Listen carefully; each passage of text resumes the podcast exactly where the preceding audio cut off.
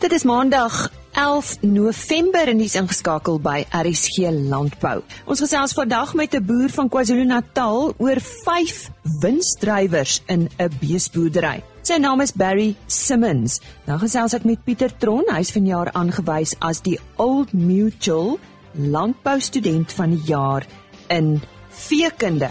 En Lindy Strubel van die PMA of Produce Marketing Association het pas teruggekeer vanaf die Fresh Summit in die FSA en sy vertel vir ons wat daar gebeur het. Lindy Strubel is die hoofbestuurder van die PMA of Produce Marketing Association in Suidelike Afrika. Sy het pas teruggekeer vanaf die Fresh Summit wat in die FSA gehou is en ek het verlede week met haar hieroor gesels. Nou uh Lindy, vertel so 'n bietjie vir ons waar pas die summit in? Uh presies wat dit is, wanneer het dit gebeur?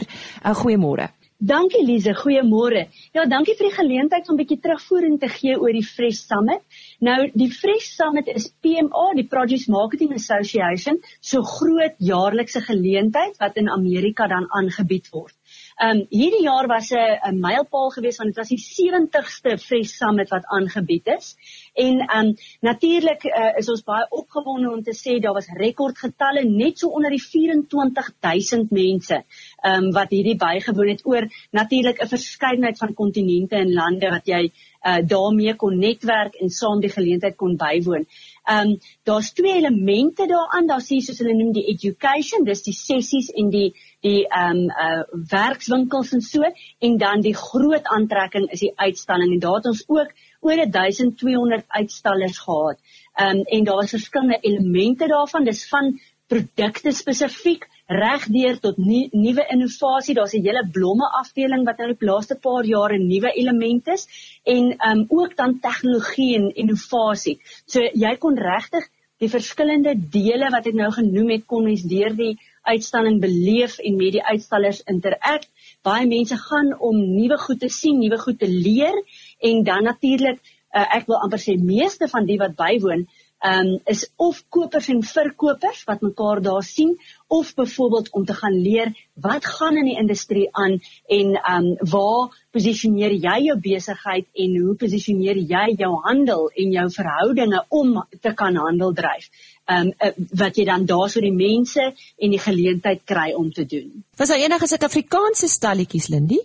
Ja, ons het 'n uh, Suid-Afrikaanse uh, Suid stalletjie gehad, ehm um, wat ons Departement Handel en Nywerheid saam met die samewerking van ehm um, ons ambassade in Washington doen. Ehm um, hierdie hierdie keer was die Fresh Summit in Anaheim, Kalifornië. So ehm um, ons het selfs die klomp van Washington gekry om daar te wees. Hulle het die die Departement Handel en Nywerheid of DTI in kort ehm um, het wat hulle noem 'n trade mission gehad. Dit is al 'n paar jaar wat hulle dit elke jaar doen. Ehm um, hierdie jaar het hulle 15 uh, eh, maatskappye van Suid-Afrika die geleentheid gegee. Hulle het byvoorbeeld eers New York toe gegaan en 'n paar afsprake vir hulle daar en geleenthede gegee en dan het hulle dit nou hulle ehm um, uh, rukkie in Amerika afgesluit by die Fresh Summit en hulle het by die Suid-Afrikaanse stalletjie waar hulle 'n hele paar afsprake gehad het met ehm um, handels vennote of potensiële kopers en so voort. Ehm um, so ons het ook 'n offisiële opening gehad van die stalletjie en baie trots om 'n Suid-Afrikaner te wees en daar te sien hoe ehm um, 'n goeie en 'n professionele stalletjie aangebied is en geleenthede vir uitvoerders gebied word om potensiële handel te kan um, bevestig van daai geleentheid af. Ah, dis baie goeie nuus. Kom ons gesels oor wat jy huis toe gebring het. Wat wil jy graag met ons luisteraars en ons produsente deel, Lindy? Ja, graag. Ehm um, dit is nogal een van die kenmerke van Fresh Summit dat jy regtig gaan wegstap met 'n paar goeders wat nie net interessant is nie, maar jy kan dit implementeer in jou besigheid en ehm um, waar ons nou staan in vir PMA in Suid-Afrika, is dit 'n voorreg om daai vir die wat nie daar kon wees nie, want daar was omtrent so 40, 45 Suid-Afrikaners ehm um, wat bygewoon het en die wat dit nie kon maak nie dat ons daai lesse kan terugbring. Ehm um, so van die ehm um, sessies en natuurlik soos hulle noem die state of the industry sessies om uh, te weet wat aangaan, is daar vyf punte wat hulle sê definieer die toekoms van die varsprodukte industrie. En die eerste een is wat hulle noem conscious capitalism, né? Nee? So dit is um om met 'n gewete besigheid te doen. En dis waar jou jou jou footprint op jou op die uh, planeet, ehm um, hoe jy te werk gaan, jou etiese gedrag, alles hoe dit al hoe meer 'n belangrike rol speel. Tweede een is hoe ons verbruikers raak ehm um, emosioneel betrokke met wat hulle koop en veral in terme van hulle gesondheid. En daai is 'n groot pluspunt vir die vrugte, groente en die blomme industrie want blomme laat jou goed voel. Vrugte en groente is 'n baie soos hulle sê health is a new wealth. Ehm um, vrugte en groente speel 'n baie groot rol daarso en dit dit definieer waartoe ons besigheid gaan.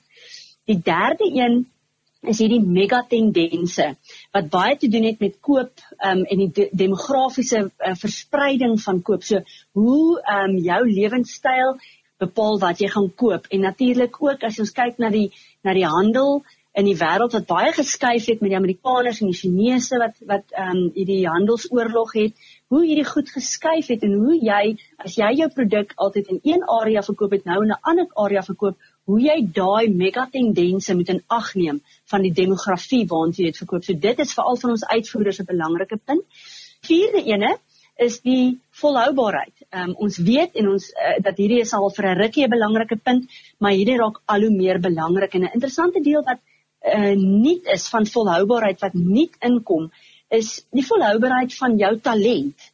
Hoe jy jou um, mense wat in diens is van jou maatskappy, um, meer uh, betrokke moet kry in terme van waardes en hoe hulle moet deelneem aan die waardeproposisie van die maatskappy waarvoor hulle werk. So volhoubaarheid is nie net jou ehm um, uh, koolstofvoetprint of daai tipe um, elemente nie en of jou regenerasie soos hulle noem van jou energie en water gebruik nie, maar selfs ook hoe jy met jou mense werk. So dit dis 'n belangrike les wat ons daar uitgevat het. Vyfde een is natuurlik tegnologie. Dis nie vir my nie, maar dit word net al hoe meer belangrik gestaaf daarvan soos hulle sê from tracking to training jou inligting oor jou ehm um, dokumente en hoe jy uh, jou produkte vloei en die inligting wat jy oor die do, uh, dokumente het ehm um, tot jou voedselveiligheid die tegnologie wat jy daarin gebruik tot en met die tegnologie training. Jy moet heeltyd weet wat is die nuutste. So ek sal dit opsom in in daai 5 is die lesse wat mense uitge, uitgehaal het. En dan natuurlik is daar 'n legio um voorbeelde van nuwe produkte en nuwe tegnologie en um van 'n groen mielie tot 'n 'n blou appel wat jy daar sien wat geproduseer word. En en jy kan natuurlik dink met al die dryf van om teen plastiek te gaan hoeveel voorbeelde daar was van hoe om te verpak met papier en hmm. um pap, uh, uh, uh, plastiek wat uh, bio uh, biodegradable um is uh, allerlei voorbeelde van dit so baie interessante goed wat ons daar um, gesien het. En nou met die water en uh, die klimaatsverandering en die uh, die slim gebruik van water, ek dink dit is ook iets wat redelik as dit kom op die uh, soos nou dink aan die tegnologie front net by die dag uh, beter word en slimmer word. Is ek reg? Absoluut, Lise. Weet jy, en as jy gaan kyk die die ouens wat voor hardloop op daai gesprekke, ehm um, jy kan spesifiek kyk wat in Israel gebeur en hoe reg ons onthou dit, ja. Ja, en hoe hulle daai tegnologie vir waterverbruik inbring. En dit is ook goed as ek wil amper sê ons het die punt van die ysberg ehm um, wat ons al sien en en ehm um, implementeer want daar's soveel mense wat hulle aandag hierin vestig om te weet hoe kan ons minder water gebruik? Hoe kan ons dit slimmer gebruik? Ons is nie die enigste land wat onder baie druk is oor watergebruik nie. En ons baie internasionale lesse wat ons moet leer. En wat belangrik is vir 'n platform soos byvoorbeeld die PMA Fresh Summit is dat daai lesse ehm um, kom daar by mekaar en dit gee 'n platform om daai lesse te leer. Ehm um, en dan ehm um, dat ons uit dit uit ons gebruik van water en ons praktyke kan aanpas. Net vinnig om jou af te sluit, eh, Lindy, julle sluit ook nou seker af vir die jaar. Waarna kan ons uh, luisteraars wat belangstel om uh, van julle gebeure en aktiwiteite by te woon, wat lê voor vir julle vir vroeg in die nuwe jaar? Ja, dankie Lise. Soos almal nou begin afsluit vir die eh, ehm um, einde van die jaar raak ons ehm um, geleenthede ook nou minder. Ons het een geleentheid die 13de November uh, wat ons noem die Retailers Connections Lunch. Dit is 'n lekker informele middagete wat so vir oulaas ons um, van ons kopers en verkopers bymekaar kry. Uh, dit vind in Centurion plaas en dan kyk ons na volgende jaar. Um, ons het die plaaslike Fresh Connections konferensie die 12de en die 13de Augustus en dit gaan in Gauteng wees. En dan natuurlik hierdie Fresh Summit wat ons nou van gepraat het, is klaar al reeds volgende jaar in middel Oktober en dit gaan in in Houston, Texas plaasvind. Ehm um, en dan uh lede ehm um, altyd uh, of maatskappye plaaslik is baie welkom om aan te sluit as lid. Ehm um, dan hou ons julle heeltyd op hoogte van kleiner en groter geleenthede plaaslik en internasionaal. Lindy Strool gesels natuurlik oor die PMA as u wil lid word. Uh die beste net om aan julle webtuiste toe te gaan as ek reg Lindy? Ja, ons webtuis inligting, maar hulle kan ons ook direk kontak. Uh, my e-posadres is lstroebel@pma.com. Daar sê dit is dan Lindy Stroebel, lstroebel by pma.com en uh, ek is seker as jy PMA net te Google, dan sal u ook baie inligting daar kry. Ons het gesels met Lindy Stroebel en sy het ons vertel van die Fresh Summit geleentheid wat sy onlangs daar in Kalifornië in die VSA bygewoon het. Sy is die hoofbestuurder van die PMA in Suidelike Afrika. Nou moet ons uh, beesboere hulle ore spits. Ons sluit nou aan by Jenny Maas. Ons uh, kry nou in KwaZulu-Natal daar in die omgewing van uh, Escort en Mooirivier en ons praat met Barry Simmons wat uh, tydens uh, Boeredag van uh, Elmic Beefmasters gepraat het oor die sogenaamde vyf windsdrywers in 'n beesboerdery. Uh hierdie uh beesboerdery windsdrywers uh, Barry uh verhoogde dragtigheid is uh, die eerste een wat jy oor gepraat het. Dit? it definitely is uh, the, a most important factor, I think, in determining uh, profit. Um, I just worked out, for example, that a 1,000 cow herd, say with 750 followers, if uh, that herd tests at 80% conception annually, it will only grow by about 45 animals at the end of three years.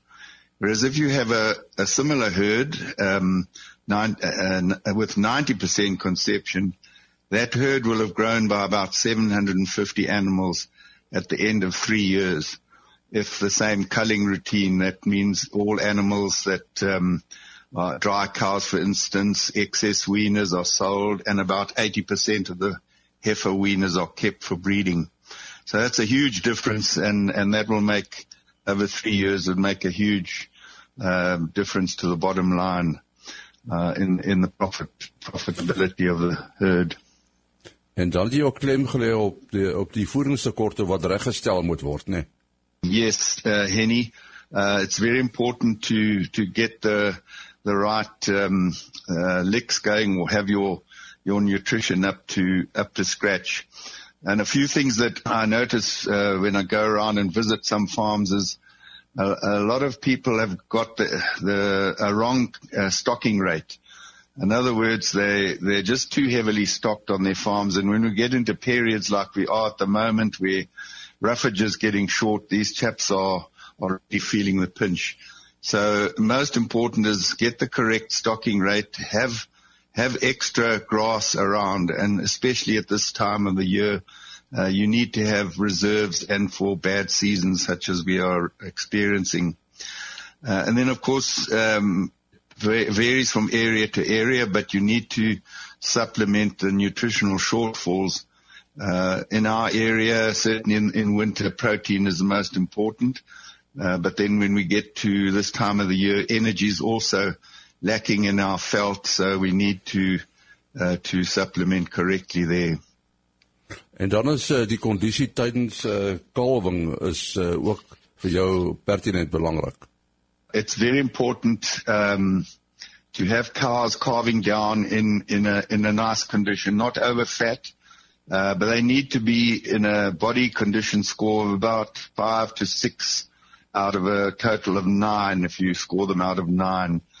And the important thing about that is that um, those cows that are in five and six condition score, they will start cycling uh, about 60 days, 50 to 60 days after calving and we know that often cows don't take on their first cycle. So if you add another 20 days, 21 days to that, you get to around about between 70 and 80, call it 80 days average. Uh, and it's important that a cow gets into calf 84 days after calving if you wanted to calve at the same time every year. You'll find that if the condition score of the animals are below five, they're going to take an, a, a, much longer time, 90 to 100 days to cycle, so they're going to calve later the, the next year. Nou as jy mens kyk na die uh, seleksie van van produktiewe vroulike diere. I call them economically effective cows. Uh, an economically effective cow is one that calves early in um, in the bre- in your breeding season, not um, uh, not anyone else's breeding season, but yours, your particular breeding season. So you want her calving early. Uh, you also want to to uh, have good mothering ability. In other words, she must um, uh, wean a heavy weaner. Uh, she must be able to do that job again next year. In other words, she's uh, he's got um, repeatability, and you also want that cow to do that over over many years. So it's something we haven't paid attention to. I think in the past is longevity in our breeding cows. Yeah, you don't need to have um, massive records. You just need to really uh, measure two things in your cow herd, and that is uh, how heavy is the weaner that it, it's weaned, and how early is she going to calve the next year. And if you select for those cows which are calving early and, and produce good calves, uh, you, your, the productivity of your herd will increase dramatically. That's provided, of course, that you have enough pregnant heifers coming on uh, to push from behind. In other words, your heifers must be putting pressure on the rest of the cow herd to, so that you can cull them out. Yeah. En en wat van vers seleksie? Henny, that's um, an important exercise that I, I, I, think needs to be done. I've read some interesting uh, articles, uh, especially from America, and I think it's important that we know these things. Um, heifer calves that are born in the first 21 days of a calving season um, w- will be uh, more fertile over their pe- their whole lifetime than calves that are born in the following 21 days. So that's an important thing to remember. And this chap, Dr. George Perry from South Dakota University, uh, said that over that lifetime of that animal that's born in the first 21 days of the breeding season, she will almost give you two extra calves. So I think that's important. Uh, and that's also why we need short breeding seasons so that um, this uh, fertility, inherent fertility of the early born heifers uh, is brought into the herd. En dan jy 'n paar aanbevelings vir wins daaroor gepraat ook. Yeah, it's um, as I said, it's important that we have uh, simple records on our cows. Uh, in my own herd, um, we used to allow a, a, a, car, a heifer to produce two calves. In other words, her first calf and second calf. And then we would select her either to go into the A herd or we would cull her. Um, and the difference between the selected A herd and the unselected herd uh, is um, uh, on on um, weaning mass is um, 265 kgs for bull calves and 232 kgs in bull calves in the B herd. So that's it's almost a thousand rand difference between uh, what the A cows produced against the B cows. So it's very important to um, uh, to be able to select for those economically effective cows that I was talking about. Nou as mens oor 'n beesboerdery praat, dan kan 'n mens nie anders nie as om te praat oor kudde gesondheid en inentings, né? There's a, a, huge amount of uh, diseases that are, are, are around. I think uh, one of the most, well, we've heard about uh, contagious abortion, um, but I think things like trichomoniasis are are, are a huge factor in uh, in um, causing our profitability to come down because of losses. Uh, so we must do everything possible uh, to try and um, uh, try and uh, inoculate against all those sort of diseases if we can.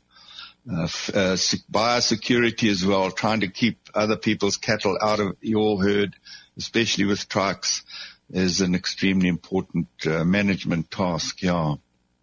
Uh, Barry, jy uh, plaas ook baie klem op uh, op 'n goeie bemarkingsstrategie. I often go to look at cattle, uh, not as a buyer, but uh, just to see the cattle. And one drives up to a herd of cattle standing in a corner of a of a camp, uh, and they look miserable standing there. Uh, I always try to impress upon people: take your potential buyer uh, to a spot where you can look at the cattle being driven past and bring the cattle from uh, a fair distance away with your staff, drive the cattle past so that they can see them walking uh, as if you're counting them. They look much, much better that way. Uh, also, when selecting your wieners, for instance, for, for marketing, don't just show your um, buyer the whole clump together.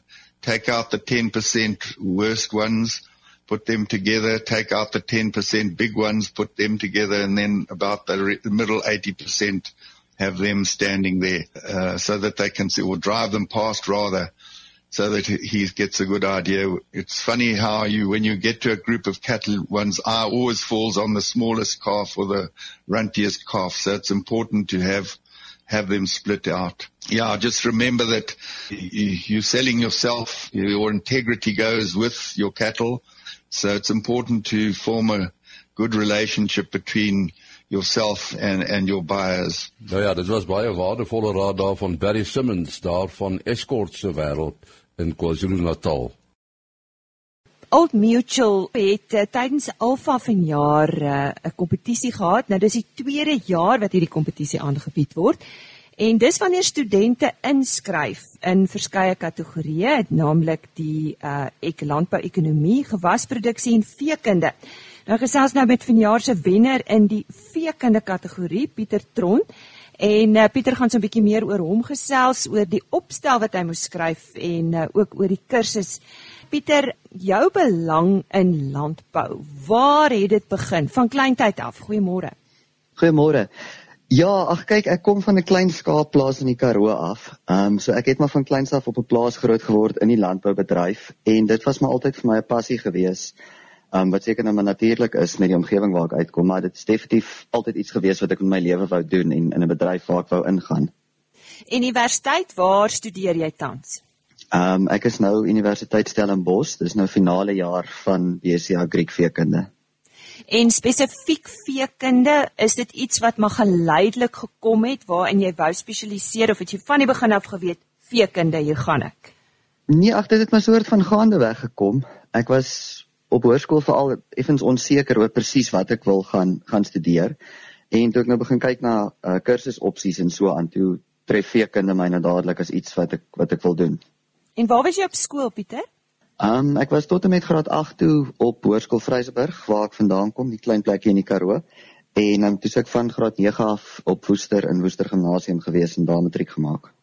En daar het jy geen uh, landbouvakke gehad enigsins nie. Nee, dit was glad nie 'n landbouskool nie. Nou kom ons gesels oor daai kompetisie waaraan jy deelgeneem het, die Old Mutual Landbou Student van die Jaar. Verduidelik vir ons hoe werk hierdie kompetisie? Dit is basies opgedeel in 3 rondes. Die eerste ronde is 'n oop ronde waar almal wat dan nou kwalifiseer vir 'n spesifieke afdeling, 'n uh, opstel kan skryf oor die onderwerp wat ou Mutual en Blast Media vir ons gegee het.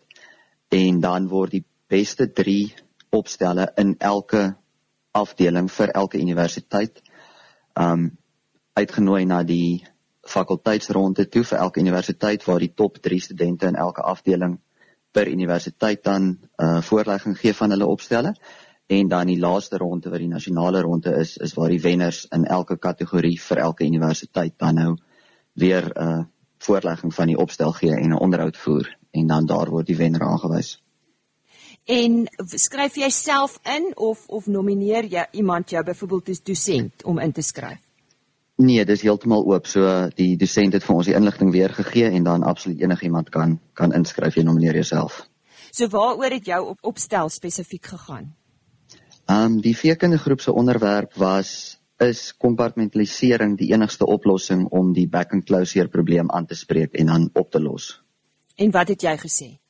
In kort, dit is nie die enigste oplossing wat daar is nie. Um want daar's nie 'n enkele oplossing wat back and closure gaan beheer nie. Mens moet 'n geïntegreerde um aanslag gebruik, maar kompartmentalisering is 'n kritieke deel van so 'n geïntegreerde doelwit. So op sy eie kan hy nie werk nie, maar hy moet deel vorm van die groter program.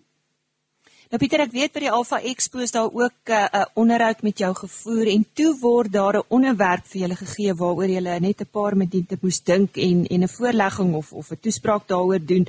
Hoe hoe dit gegaan? Wat wat wat is julle gevra?